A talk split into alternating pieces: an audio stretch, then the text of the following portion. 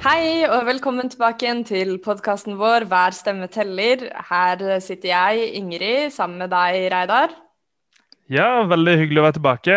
Nå er påska ferdig, og i hvert fall jeg har virkelig gått mentalt inn i, i valgkampmodus. Nå er det stortingsvalgkampen eh, som, eh, som gjelder framover. Ja, nå er vi i gang. Og i dagens episode så har vi med en gjest som vanlig. Uh, men det kommer vi tilbake til om litt, fordi vi skal snakke litt om uh, hva det er som skjer i partiet vårt nå uh, om dagen. For som du sier, så er jo Nå har på en måte startskuddet for stortingsvalgkampen gått. Og den første store begivenheten, eller hva vi skal kalle det, skjer jo allerede nå på lørdag. Kan ikke du fortelle litt om det, Reidar? Det er riktig. Eh, Førstkommende lørdag så har vi nasjonal aksjonsdag hvor lokallag eh, over hele Norge er med og sprer det glade budskap om hvorfor eh, man bør stemme rødt til høsten. Så eh, vi har sendt ut eh, løpesedler til hele landet. Det er over 100 lokallag som skal, som skal være med. Eh, og vi vet jo at korona gjør at Eh, det ikke er alle steder hvor det er naturlig å stå på stand og stå ut forbi eh, den lokale, lokale butikken eller stå i handlegata og dele ut løpesedler, men, eh, men der vil man dele ut løpesedler i postkasser i stedet. Sånn at man kan være med og bidra til valgkampen på en, på en trygg, koronatrygg måte. Det er jo kjempekult. Og det er sånn at alle Rødt-medlemmer kan være med på denne aksjonsdagen, ikke sant? Absolutt. Så det, det, er jo selvfølgelig ikke alle steder eh, det vil være aktivitet. Men, eh, men eh, over 100 steder i landet vil, vil lokallag samle seg til å eh, spre løpesedler. Så måten man kan finne ut om det skjer en aktivitet i nærheten av der på, det er å gå inn på på nettsida vår. Eh, Rødt.no slash nasjonal aksjonsdag 10.4. Og det var en litt vanskelig URL. Den gode nyheten er at eh, du kan eh, se i beskrivelsen på podkasten eh, på eh, denne episoden, så, så, finner du link til eh, det kartet. Og Da kan du se om det er aktivitet i nærheten av der du bor. Og er det det, så er løsninga å kontakte lokallaget ditt og høre mer detaljert om hvor man møtes osv. Ja, jeg håper jo virkelig at, uh, at, så mange som mulig blir med. Og at det kommer til å merkes da over hele landet at uh, nå er uh, Rødt i gang med å mobilisere grasrota. Absolutt, og det er så viktig fordi, fordi spørsmålet om Rødt kommer over sperregrensa gjør et rekordvalg gjør eller ikke, det er, det er, ikke bare spørsmål om, om eh, Rødt kan få litt flere personer inn på Stortinget, som, som i seg selv er veldig viktig, men det er snakk om eh, at vi nå har muligheten til å få en ny kurs på, for politikken i Norge. Vi kan faktisk få innflytelse og, og presse en ny, en ny regjering til å få ned forskjellene eh, og få gjennomføre en rettferdig miljøpolitikk. Og den sjansen kan vi ikke la gå fra oss, så, så, da må vi starte tidlig. Og når vi ser på målingene, det har vi gjort i mange av episodene våre før, så ligger vi jo stabilt på rundt 4,1, 4,2, 4,3% Og eh, det er ikke helt trygt, da, kan du si. Så, så vi må begynne tidlig, snakke med så mange som overhodet mulig før sommeren, sånn at eh, vi kan starte valgkampen på en god måte. For vi vet jo at når valgkampen kommer, så, så er det andre partier som har mer ressurser enn oss, som får mer pressedekning enn oss. Eh, så, så, for å ikke drukne, så er det en meget god idé å, å komme tidlig og godt i gang. Mm. Og vi sier jo gjerne det at det er jo det å snakke med folk som er den mest eh, effektive måten for å få folk til å skjønne at, at man har en innflytelse over egen hverdag, da. Og også ja, den analysen vi har om at vi trenger et politisk retningsskifte i Norge, det tror jeg de aller, aller fleste kjenner på både kroppen og egen hverdag etter etter det siste året vi har vært igjennom. Uh, og jeg veit at det også har blitt uh, lansert nå en annen løsning for hvordan vi skal klare å snakke med folk og holde smittevernreglene samtidig. Hva er det for noe? Ja, Det er veldig kult, faktisk. Det er noe som, eh, Vi har en egen nettside som heter ringesentralen.no, hvor Rødt-medlemmer kan være med og ringe velgere.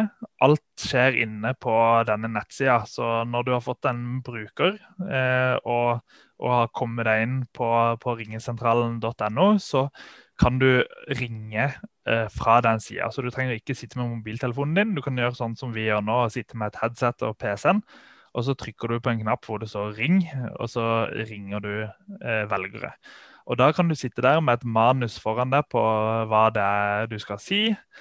Eh, og i det hele tatt. Så, så dette er et eh, avansert eh, system som er veldig enkelt å bruke. Men som nå, nå, er jeg jo ikke med i noen av de andre partiene og, og er ikke så flink til å spionere, men jeg, jeg, tror ikke at det er mange andre partier som har tilgang på, på et sånn type verktøy som vi har. Så eh, vi skal være veldig glad for en som heter Mats og en som heter Geir, som, som har sittet og, og eh, koda dette for oss. Eh, to som er flink, flinke på data. Eh, datamaskin, som, eh, som, som, i motsetning til meg. Eh, som, eh, som, har gjort at vi nå har et veldig spennende verktøy. Eh, så da kan man sitte fra hele landet, og så ringer man eh, velgere og snakker med dem om, om eh, de viktigste Rødt-sakene, og, og, og, kan høre også om eh, hva, hva, som er viktig for velgerne.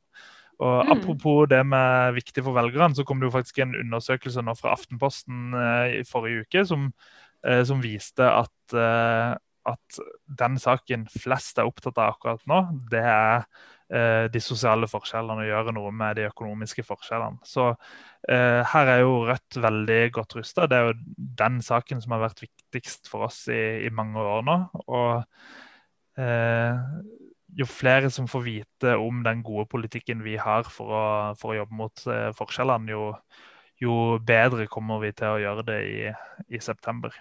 Mm.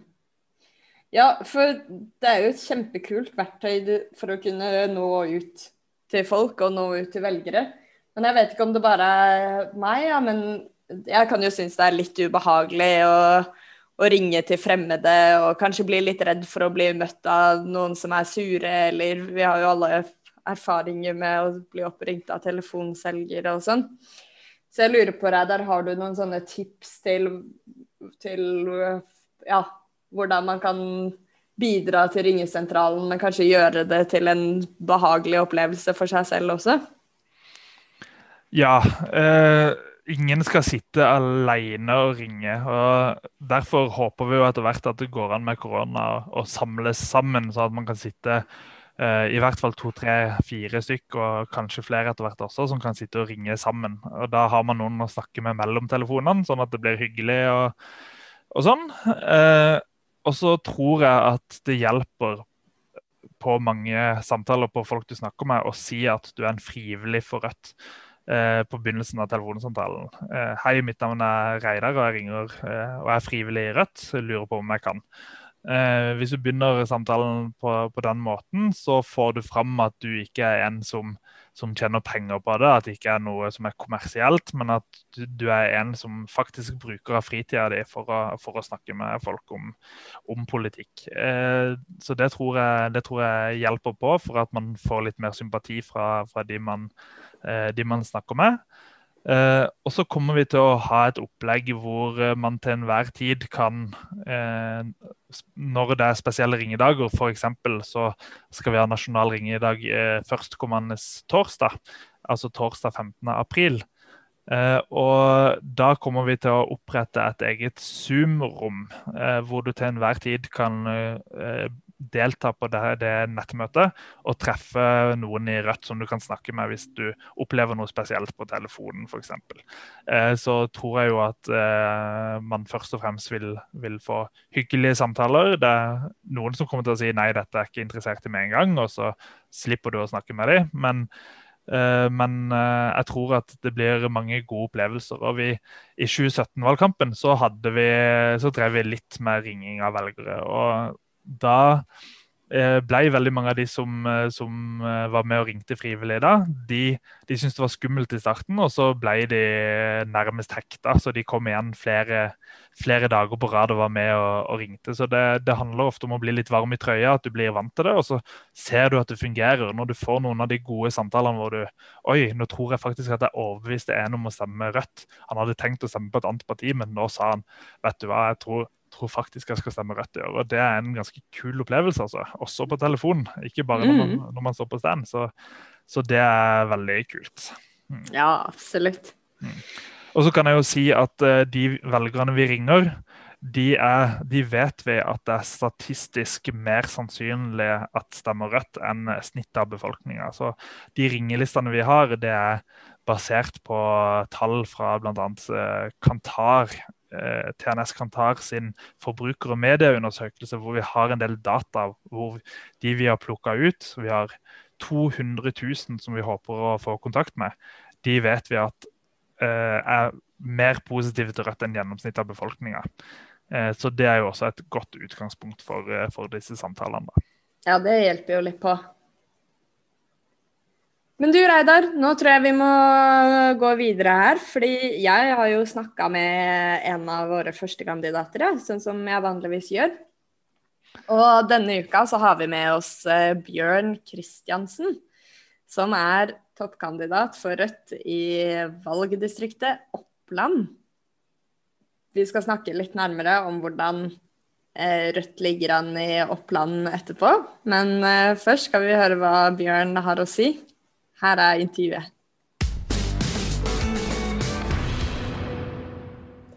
Hei, Bjørn. Velkommen hit til eh, podkasten vår 'Hver stemme teller'. Takk for det. Så fint at du kunne bli med.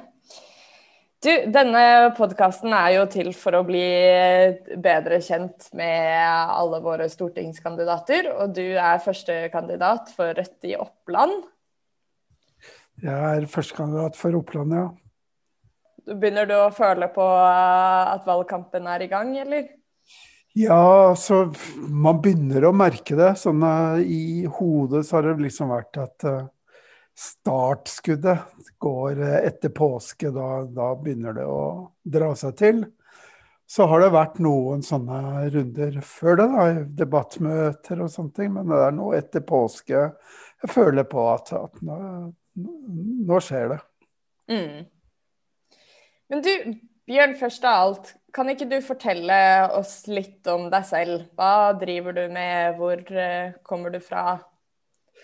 Ja, det kan jeg godt. Altså, jeg er 62 år gammel og har vært uh, røtter, dvs. Si Rød valgallianse, før det i, i, veldig mange år. Jeg tror, eller jeg prøvde å mm, erindre, og i 1980 var det jeg meldte meg inn i, i RV. Og det var på bakgrunn av mange års uh, virksomhet både som uh, elevpolitiker på, når jeg gikk på videregående, og studentpolitiker. Mm. Og så tok jeg på en måte skrittet ut uh, fra å være politisk uavhengig, som det het, til å melde meg i Rød valgallianse. Det gjorde jeg samtidig som jeg ble faglig aktiv. Jeg fikk meg jobb i Oslo Sporveier. Ja blei da faglig aktiv og skjønte raskt at uh, da måtte jeg også knytte meg til et politisk parti i forhold til ja, mitt ståsted og hva jeg skulle gjøre. Og uh, som jeg var medlem av, eller har vært medlem av siden. Mm. Så du har Hva gjorde du i Oslo Sporveier? Kjørte du trikk? Det, det var jeg trikkefører, eller jeg starta som konduktør først på Kolsåsbanen. Og så ble jeg trikkefører, og så var det mange år hvor jeg var, var tillitsvalgt. Eller mesteparten av de 17 årene jeg var i Sporveien, var jeg tillitsvalgt i, i Oslo Sporveier. Ja. Det er spennende, da.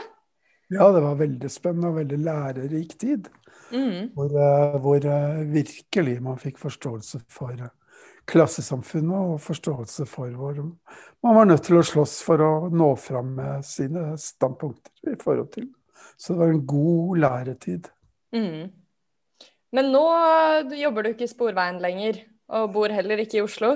Nei, så var det sånn at uh, Jeg og kona mi vi flytta til Lillehammer.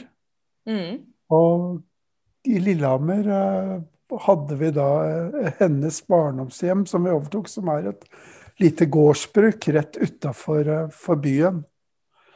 Da var jo utfordringa ganske raskt. Det var at det var jævla lite trikker på Lillehammer. Og jeg hadde vel egentlig heller ikke noe, noe sånn utdannelse, formell utdannelse. Så da valgte jeg å begynne på sykepleierskolen, så jeg utdannet meg som sykepleier i, i godt voksen alder. Ja. Og begynte jeg etter å ha fullført den, så begynte jeg i, i eh, primærhelsetjenesten, altså å jobbe i, kommunen på et sykehjem Mm. som sykepleier. Det gjorde jeg noen år, og nå er jeg byråkrat i den samme kommune, Lillehammer kommune, og jobber med kvalitet og internkontrollspørsmål i forhold til eh, virksomheten i hele kommunen. ja. Det er på en måte mitt ståsted i dag. Men tenker du at din, eh, din eh, yrkesbakgrunn er med på å forme eh, ditt politiske virke og det du syns er altså ditt, dine kanskje kampsaker, eller hva jeg skal si? Jeg tenker at jeg hele tida og som et grunnlag har, har Samferdsel har jo alltid stått mitt hjerte nær. Og vi hadde jo i den tida jeg jobba i Oslo Sporveier og som tillitsvalgt, så hadde vi jo mange trikkekamper. Mm. I form av at det var jo sterke krefter som ville legge ned trikken. Man ønska buss isteden. Og eh, vi hadde jo også svære kamper knytta til dette med anbud. Mm. Man ønska å innføre anbud på, på kollektivtrafikken eller på, på bussen i Oslo. Mm. må jo si at uh, fortsatt er det med vemmelse. Jeg tenker på at den som innførte anbud i Oslo kommune på bussida, var den gang samferdselsbyråd Raymond Johansen, som den gang satt for SV. Og han var første mann som innførte anbud på kollektivtrafikken i Oslo. Ja, det er jo noe det tror jeg, jeg tror veldig mange kobler det og tenker at det har vært en sånn høyreside-implementering. Det er jo det man kobler, men uh, det er Mm. faktisk uh, som i mange andre saker hvor man kobler Høyre, så er det partier som uh, i dag stiller til valg på den rød-grønne sida, som har på en måte fronta. Om det så er på Arbeiderpartiet med New Public Management, helseforetaksmodeller, Nav. Altså alle dette her er jo store reformer som, som er innført av, av det som, som eh, man i dag kobler opp mot den rød-grønne regjeringa, som selvfølgelig har vært med å forme meg i mitt ståsted i, i Rødt, som gjør at eh, de grepa som både Arbeiderpartiet og SV har tatt opp gjennom åra, er, er grep jeg ikke kan være med i Mm. det og er på en måte bare styrka i troen på at, at eh, vi har noe å gjøre på, på, i Rødt i forhold til å påvirke at det ikke nå bare blir en ny regjering, men at vi er nødt til å ha en helt annen kurs i forhold til det. Så, sånn sett er ståstedet mitt bare forsterka. Ja. ja, absolutt. Er det, er det sånne ting med anbud og, og oppsplitting av tjenester og sånn, er det noe du har erfaring med fra, på Lillehammer også? Ja, altså Oppland fylkeskommune er jo nå i en diskusjon om de skal ta tilbake. Fordi at de har jo også innført anbud som de fleste fylkeskommuner har i forhold til, til busstrafikken. Mm. Og jeg husker de første åra jeg bodde på Lillehammer. Så bor jeg litt på utsida, og så har vi en busslinje like ved der jeg går. Og de fem første åra så skifta det eier, altså selskap, eh, tre ganger. Så de ansatte de hadde som fleip at istedenfor å måtte skifte uniform hver gang, så man jo, kan man jo bare ha en sånn borrelås og skifte merke. I forhold til, eh, til det at man får et nytt selskap. Og dette her har vært kaos. Og det som på en måte er svaret når noen vil ha anbud og vil gjennomføre det for å spare penger, så er jo svaret det er at eh, det er bare lønns- og arbeidsvilkår de kan ta. For Mm. bussene er jo de samme kravene på det tekniske utstyret er jo det samme, så det er jo til slutt bare de ansattes lønns- og arbeidsvilkår som blir tematikken. Og det gjør jo meg som en røtter-forbanna, da. Mm. Ja, absolutt. Du har vært medlem i, i Rødt og tidligere RV siden 80-tallet.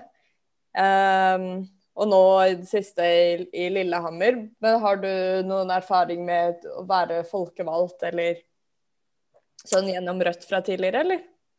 Nei, altså min erfaring fra å være valgt har hovedsakelig vært gjennom tillitsvalgsapparatet. Mm. På forskjellige nivåer. Og det var perioder hvor jeg var heltid i Oslo Sporveier som, som tillitsvalgt. Men jeg satt også en periode i et bydelsutvalg i Oslo. Ja. Som uh, by, en bydel som nå ikke eksisterer. Helsfyr-Skinsen var det en gang. Jeg satt en periode, men jeg har ikke noe god og lang erfaring fra å være folkevalgt. Det har jeg ikke. I form av en parlamentarisk eh, type jobbing. Men jeg har jo vært med i diverse grupper osv. som har jobba opp mot både kommune og bydeler og, og fylke nå. Mm. For Oppland har jo også to representanter i, i fylkestinget. Ja. Nå jobber jeg ganske mye i. Ja, hva Hva um, Jeg kan jo kanskje først spørre hvordan, hvordan, står det til med Rødt i Oppland? I lokallag og sånn. Er det, er det mye aktivitet, opplever du? Jeg opplever at vi nå går inn i en valgkamp med en entusiasme som vi jeg ikke har opplevd før. Og denne entusiasmen er jo nettopp knytta til tematikken i det vi prater om, altså hver stemme teller. Mm. Det er vel første gang i alle disse åra hvor, hvor, det har vært noe realisme i å kunne nå en sperregrense. Mm. Det er på en måte en ganske stor drive i det. Selv om det for Oppland sin del, i forhold til å få et direkte mandat, er, da må vi opp i 12-13-14-15 Forrige valg var i underkant av 15% for å få inn et direkte valg. Og vi ser jo på en måte at det er jo ikke der motivasjonen vår ligger, å nå det nivået, for vi, vi er nok ikke der. Men vi, vi, har jo satt oss et mål egentlig i forhold til valgene og tre ting. Det ene er hjelpe til drahjelp, sperregrensa. Det mm. betyr at vi, vi, skal, vi, skal, gjøre vårt for å komme over sperregrensenivået for Oppland. Og det betyr en økning på ja, fra 1,7% i 2017 til at vi har målet 4% nå denne gangen. Og mener at det er et realistisk mål. som vi har mm. satt. Og vi opplever på en måte det samme som, som uh, nasjonalt, at vi har en 2,5-tredobling av antall medlemmer siden 2017. Ja siden forrige valg, og det er jo helt i tråd med det nasjonale. Og vi har også flere lag. Men vi har jo en kjempeutfordring, fordi at vi er jo på en måte en miniatyr av det nasjonale. Nemlig mm. at vi er et svært fylke.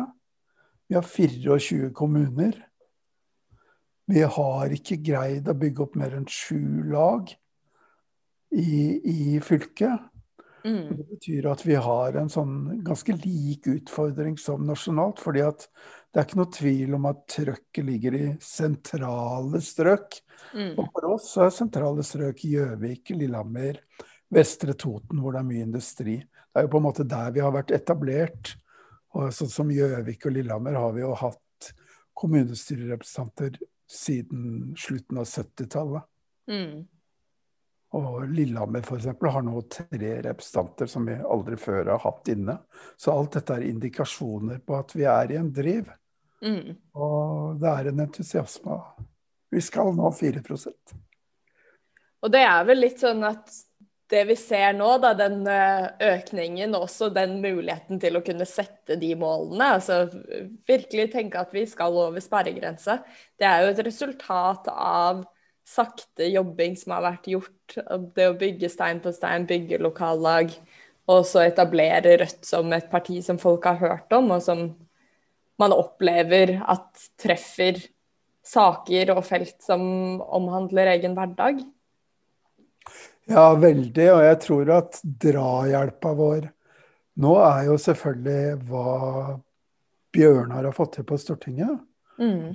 Ved hjelp av gruppa si og hvordan man har greid å kjøre det, som er selvfølgelig veldig drahjelp. Men også det der at uh, vi begynner å få en tydelig, god politikk på flere områder. og greier å synliggjøre det, samtidig som motsigelsen i samfunnet er, er økende.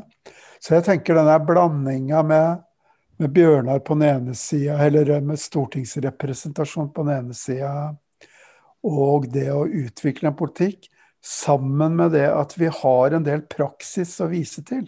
Mm. Lillehammer har, opplever jo nå at som det regionhovedstedet som det er for ja, Lillehammer og Gudbrandsdalen, så blir jo våre folk gjennom media satt noe kjent oppover. Og de har en troverdighet på en måte som er knytta til at man gjør det man sier.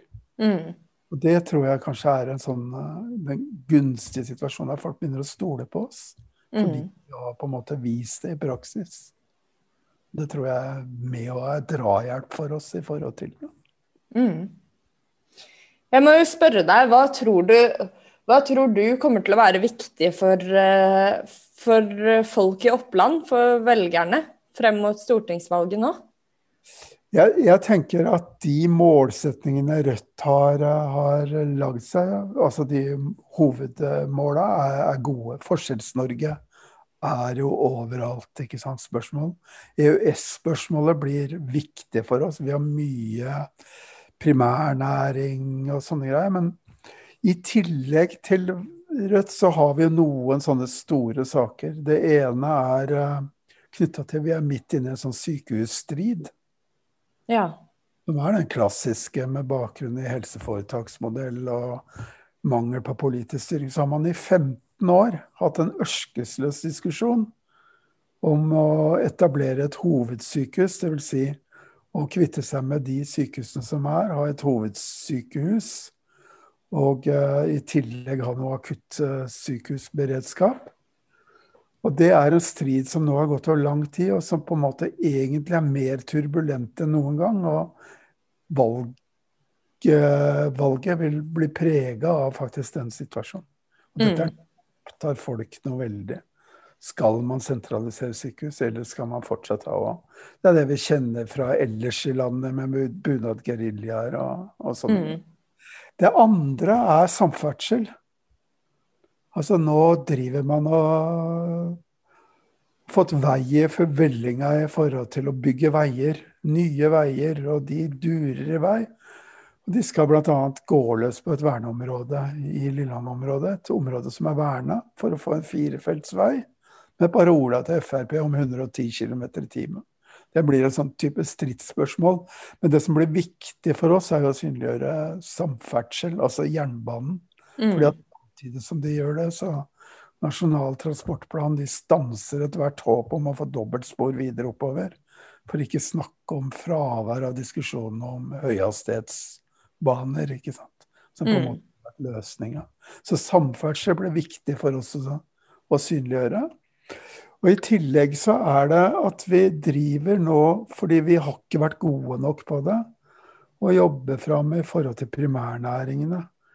Ikke sant? Altså i forhold til hva, hva skal til for en gårdbruker på Lesja til å forholde seg til et parti som Rødt, ikke sant? Mm. Jo, det er jo hvilken politikk og synlighet det var, og der raser EØS-spørsmålet inn, blant annet. Men også spørsmålet knytta til, til, eh, det å eh, Ja, det å være sjølforsynt.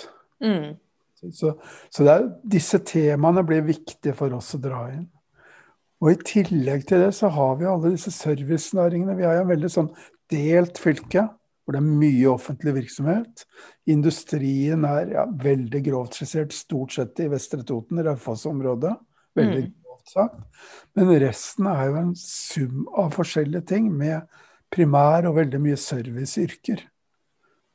Og der har vi også en sånn jobb å gjøre, å kunne heise opp i forhold til spørsmålet om viktigheten av lokalsamfunnet. At vi har turistnæring, vi har serviceyrke. Altså at vi på en måte greier å lage en politikk på det.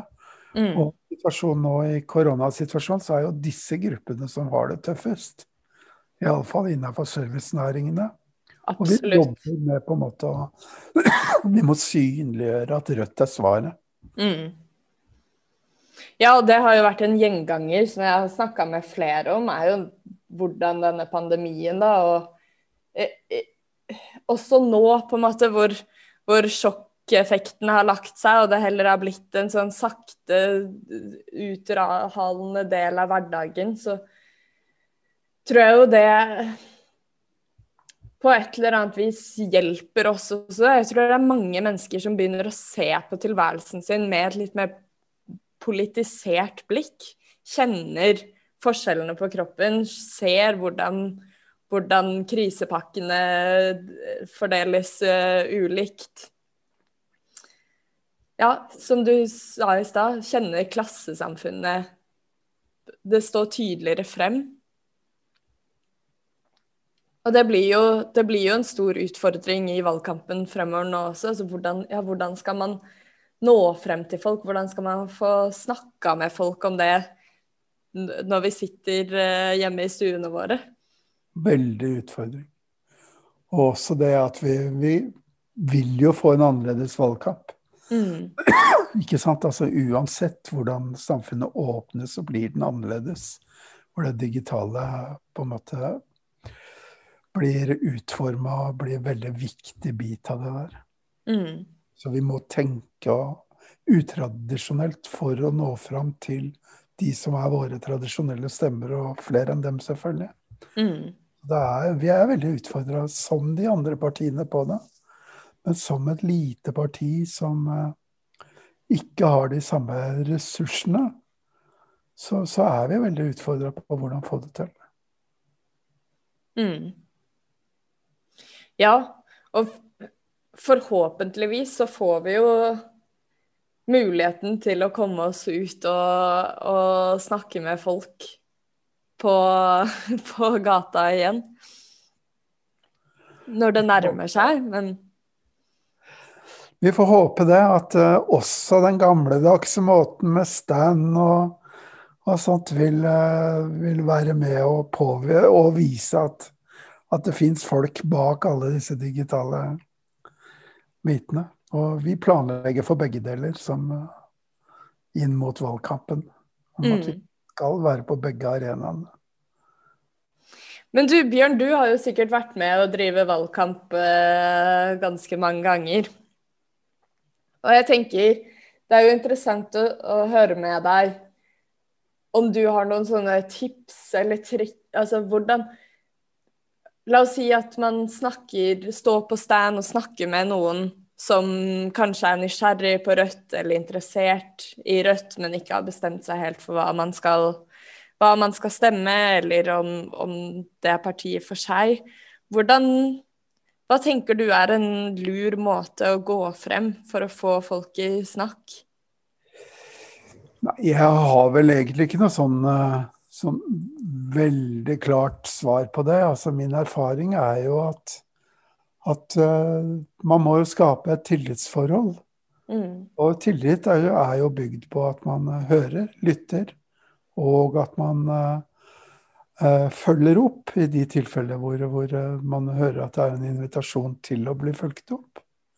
Men jeg tenker det å ta folk på alvor er, er, er det vi skal, og det er å langt mer enn bare å drive og fiske etter stemmer. Det er jo på en måte å synliggjøre at vi, vi har en, eh, en, rolle som jeg mener vi er flinke til. Nemlig å, å eh, møte folk med alvor. Mm. Følge opp når vi får på en måte en dialog som eh, tilsier at det er noe vi burde følge opp. Mm. Som vi ofte opplever på stand. Da får vi jo noen hverdagshistorier og noen beskrivelser av folks situasjoner. Jeg tror på en måte det er bygge stein for stein i forhold til dette. Og det tenker jeg er, er viktig, og det tenker jeg er styrka vår mm. Så syns jeg jo at eh, veldig mye av det som er planlagt og tilrettelagt for nå, som er knytta opp mot ja, denne ringebiten, dette med å banke på dører, dette med å med kamerattenkinga. Altså, jeg tror det er veldig viktig å få det inn i hverdagsdialogen. I forhold til det. Og da syns jeg vi har masse gode eksempler som, som er god grunnlag for gode prater i forhold til det. Mm. Men eh, jeg tror det er å oppføre seg ordentlig. Være et ordentlig menneske tror jeg på en måte er grunnlaget vårt i forhold til nå og i forhold til valgkamper som kommer. Mm. Og alt det vi gjør i mellomtida. Folk Ja. må tro på oss. Ja, hvordan kommer du til å bruke tida di frem mot valget? Nei, jeg har eh, en eh, tid, et halvt år som kommer nå, hvor jeg kommer til å bruke veldig mye tid. Jeg, synes, jeg har alltid brukt mye tid på politikk, men denne gangen blir det være veldig så målretta. Fordi at det vi opplever nå, som er jo en fantastisk opplevelse, det er at vi merker et trøkk på at folk vil ha oss med. Mm. Altså, i, på forskjellige debatter, forskjellige her og der, så vi er nødt til å på en måte så, ok, og Mye av den, eh, den jobben blir jo å falle på de som er listetopper, ja. både én to og tre. Men, men det er jo en effekt vi jo bl.a. har med Bjørnar på tinget, nemlig at vi er et stortingsparti, som betyr at vi blir invitert flere steder. Mm. Og veldig mye av min tid til kommer til å gå med på, på den biten Mm. til det. Og så får vi bare fordele og finne ut av hvordan vi gjør det. Ja. ja, for opplever du at dere har et godt samarbeid dere imellom, eller? Ja, jeg tenker at uh, vi eh, i Oppland nå har uh, rusta organisasjonen over tid. Det har blitt gjort en stor jobb. Og vi har jo sagt at OK, vi skal inn i en valgkamp nå. Vi skal satse. Vi skal bruke mye. Men vi har tre på en måte sånne hovedoppgaver. Det ene er valget nå, stortingsvalget 21. Mm. hvor vi skal nå 4% Det andre er at vi skal eh, bruke denne valgkampen til å styrke organisasjonen ved å bygge opp flere lag og tenke fylkesting og kommunevalget i 23. Mm. Og, og, og disse bitene er, er egentlig en del av den samme strategien, nemlig å øke oppslutninga. Mm. Det vi ikke får til i 21, får vi til i 23 og osv. Så, så vi har et godt grunnlag for å, for å bygge videre på den grunnmuren vi har. Det er på en måte å komme skrittet videre og bli et ordentlig parti. Og da har vi en jobb å gjøre for å bygge organisasjonen og bli et ordentlig parti. Mm. Ja, og jeg tenker det er så utrolig viktig, da, det at man bygger ja, nettopp de eh, lokallagene og, og også skolering, ikke sant. Å snakke politikk medlemmer seg imellom. At man bygger hverandre opp, at man ut, utdanner hverandre, eller hva man skal si. Og sikrer, ja, sikrer en sånn lokal, og, lokal forankring, da. Viktig. Veldig viktig. Så det ble min jobb. Så Mm. jeg gleder meg jo til å bli bedre kjent i fylket. Mm. eller i valgdistriktet. fordi at jeg har jo på en måte levd et liv stort sett i Lillehammer-regionen. De åra jeg har bodd der. Det er 20 år jeg har bodd der. Mm. Eh, Det er jo en fantastisk sjanse til å bli kjent i et fylke. Og bli kjent med, med, med de folka vi skal lage en ordentlig politikk i forhold til sammen med. Så, så jeg ser veldig fram til en, en valgkamp hvor, eh, hvor vi ja, blir kjent. Ja, ja, vi krysser fingrene for det, altså. Og så får vi bare følge smittevernregler enn så lenge og håpe på at eh, det åpner opp, sånn at vi får muligheten til å reise rundt og Ja, møte folk. Viktig. Mm. Nei, men Bjørn, tusen takk for praten. Med mindre du har noen siste ord du ønsker å, å dele, så Nei, jeg tenkte bare noen siste ord, fordi at vi gikk litt sånn fort fram, for jeg greide å beskrive bakgrunnen fra å kjøre trikk, og trikkefører, mm. si, til, til det at jeg valgte å gå inn og bli sykepleier. Og det er jo også en viktig tematikk. Det er eh, helsesituasjon. Én Ja. ting er at disse sykehusene er opprivende, men helsesituasjonen i kommunene og den kommunale fattigdommen mm. er vi nødt til å utvikle. Og vi har en for så vidt en politikk på det, men vi er nødt til å videreutvikle den. fordi vi må, vi må, vi må nå fram til de eh, som jobber i det offentlige, og som er de som virkelig har dratt lasset i forhold til korona. og også i den hverdagslige greia hvor det er folk så Altså helsesida hvor jeg kommer fra, hvor man jobber deltid, får dårlige pensjonsvilkår Eh, har en hverdag som jeg tror de færreste kan forestille seg i forhold til det å kunne stå i det i hele yrkeslivet osv. osv. Her har vi virkelig noe vi må, vi må ta på og gjøre noe med. Og, og eh, som jeg også kommer til å bruke mye tid på når jeg får lov til å stille i, i debatter i forhold til å, å slå et slag for, for kommuneøkonomien. Mm. Ja, det er kjempeviktig. Og det også er jo ja, virkelig en sånn en tematikk som har blitt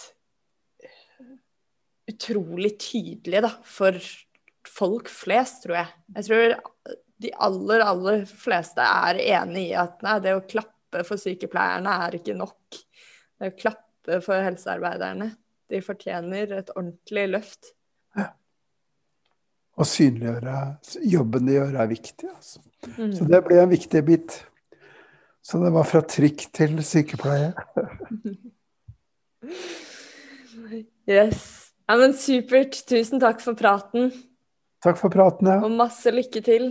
Ja, vi får krysse fingra og bare trå til. Det gjør vi. Ha det, godt. Ok, ha det bra.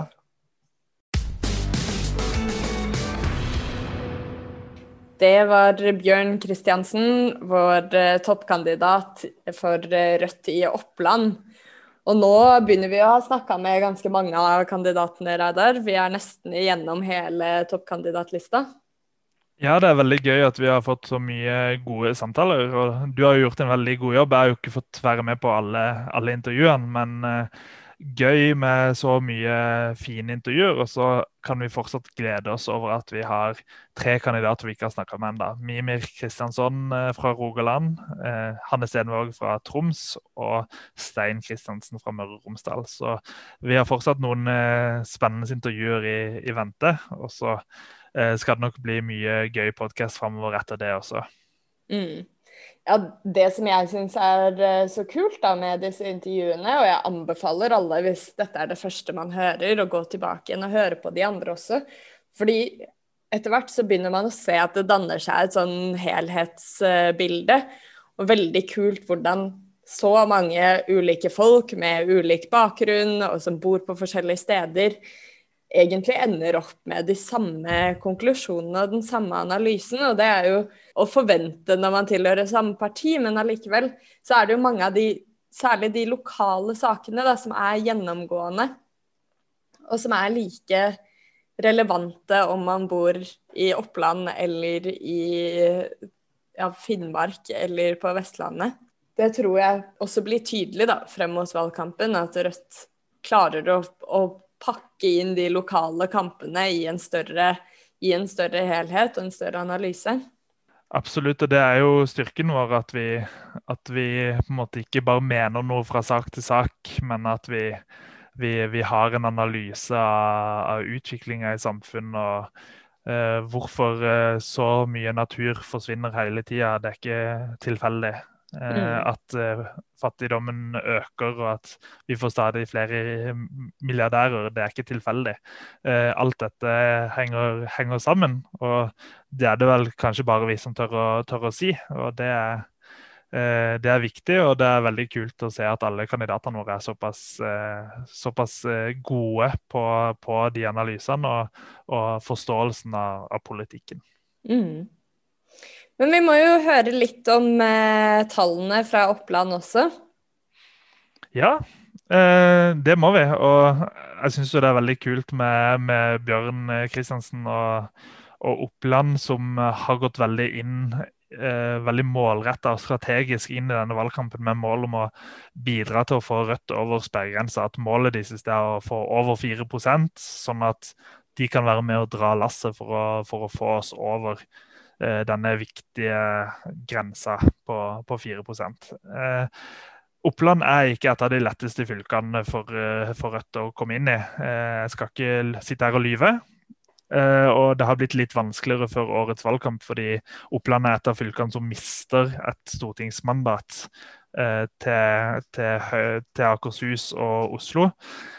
Så det gjør at det blir litt, litt ekstra vanskelig for, eh, for Bjørn å, å, komme inn på direktemandat. Så han må i hvert fall opp i, i overkant av 10 eh, for å komme inn. Eh, og det er det ingenting per nå som tyder på at de skal få til. Og så må nok, for å kjempe om, om utjevningsmandat, så, så, er det også en litt vanskelig kamp i Oppland. Jeg ser eh, på forrige måling, f.eks., så ser jeg at Frp eh, de eh, fikk ja, 5% SV fikk 7,7% og ingen av de får direktemandater, men eh, kjemper da om utjevningsmandat. Så vi må sannsynligvis forbi Frp i hvert fall, og, og SV for å ha sjanse til å få det utjevningsmandatet fra, fra Oppland. Mm. Eh, Samtidig så har det vært noen gode målinger, og, og, Oppland har variert litt på målingene. Så Den siste var ikke fullt så god. Da fikk man 2,2. Eh, mens målinga før der igjen så fikk man eh, faktisk 5, som er en veldig god måling i Oppland. Så det er jo litt sånn med lokale målinger eh, hvor man har 600 respondenter, at de kan hoppe ganske mye. Så eh, kanskje se litt på snittet av de, og da ser man på snittet av de to målingene, så, så ligger man jo på, på rett rundt 4 eh, Så det er jo rundt det som er målet til, til Bjørn og, og gjengen. Eh, så, så, det er jo et godt utgangspunkt å, å jobbe hardt for det. Og så kan det jo skje ting, og jeg har jo fortalt før også at utjevningsmandater, det er litt bingo. Så plutselig skjer det noe. Plutselig så får SV og Frp utjevningsmandater fra en del andre fylker, og plutselig så er det Oppland man kommer inn fra. Men, eh, men det er et stykke å gå. Eh, men, eh, men, jo flere stemmer de får i Oppland, jo større sjanse er det også der for å, for å komme inn på utjevningsmandat. Mm. Det virker jo som at eh, Bjørn og resten av Oppland har satt veldig gode og realistiske mål, da, i tråd med hvordan hvordan disse tallene ser ut også. Absolutt. Så det er, jo, det er jo alltid bra å ha hårete mål og være offensiv. og eh, Det er for så vidt noe jeg, noe jeg har sansen for, men, eh, men, det gjelder også å være litt realistisk underveis og sette seg mål som, som man kan klare. Så jeg er i hvert fall ikke i tvil om, uh, om at uh, Bjørn og, og, resten av Oppland kan klare målet de har satt seg. Uh, og så Plutselig så får de litt ekstra dra, drahjelp og litt, litt medvind i, i, valgkampen, og så plutselig går det enda bedre. Mm. Og som han nevnte også, så er jo så denne valgkampen legger jo grunnlag for eh, neste kommune- og fylkestingsvalg, som igjen legger grunnlaget videre for neste stortingsvalg. Altså det er steg på steg, og det er sånn vi bygger parti. Absolutt, og det er jo noe av det som gjør, eh, gjør det komfortabelt å være med i Rødt for tida. Det er at vi, vi, ikke har fått 10 000 medlemmer over natta. Er, vi har bygd stein på stein siden, siden starten på Rødt i 2007. Uh, og Det ser du både på, på hvordan antall medlemmer har økt i Rødt, og du ser det på, på oppslutninga hvordan den har økt. Det er ikke sånn at vi plutselig har blitt liksom det hippe partiet å stemme på ett valg og fått masse medvind i media, og så går det plutselig kjempebra, og så faller vi igjen fordi det er noen andre som blir hippe dagen etter. Vi har, vi har vokst uh, steg for steg, uh, byggekloss for byggekloss. Uh, og det er ingenting som tyder på at vi har noe korthus som, som raser sammen. og det uh, Der er det litt forskjell på også, også Miljøpartiet, faktisk, som, uh, som har svingt veldig mye fra valg til valg, og som har vært veldig avhengig av hvilke saker som har vært oppe i, i media helt i innspurten på, på valg, valget, f.eks. Eh, og som har mista mye medlemmer når de ikke har vært i vinden, og så har de fått mye medlemmer når de har vært i vinden. Mens mens vi eh, ligger mye mer stabilt. Og det, det er også grunnen til at jeg er ikke bekymra for at vi skal ende opp med 3 i den eh, når, når september kommer. Eh, jeg er bekymra for at vi skal få 3,9 Mm. Det er liksom, det er bekymringa. Men jeg, jeg vet at vi mest sannsynlig ikke kommer til å få noe særlig mindre enn det, men, men det er en mulighet for at vi får 3,9. Og så kan vi, med litt medvind i valgkampen også, så kan vi nå mye mer. Men, men vi har et ganske solid grunn, grunnfeste, og det, det gjør det ganske komfortabelt om å være med i Rødt om dagen. Mm. Det gjør det. OK, Reidar. Da tror jeg vi runder av for i dag. Takk for nå. Så må du og alle, alle andre ha ei god helg. Og så Mm. Og lykke det- til på aksjonsdag. Ja, det, det blir eh, viktig å komme godt i gang. Jeg håper at alle som er med på denne aksjonsdagen, deler bilder i sosiale medier og viser fram aktiviteten. Så kan jeg jo si også at eh, i Oslo, så, eh, som jo er et av stedene hvor man er spesielt ramma av korona, så så vil man ikke ha like mye aktivitet med å dele ut løpesedler, men man vil eh, bl.a. teste ut dette ringesystemet. Så eh, følg med på Rødt Oslo på Facebook og sånn for, eh, for mer informasjon om hva, hva som skjer for de som bor i Oslo. Da. Lurt. OK. Takk for i dag. Takk for i dag. God helg. Ha det.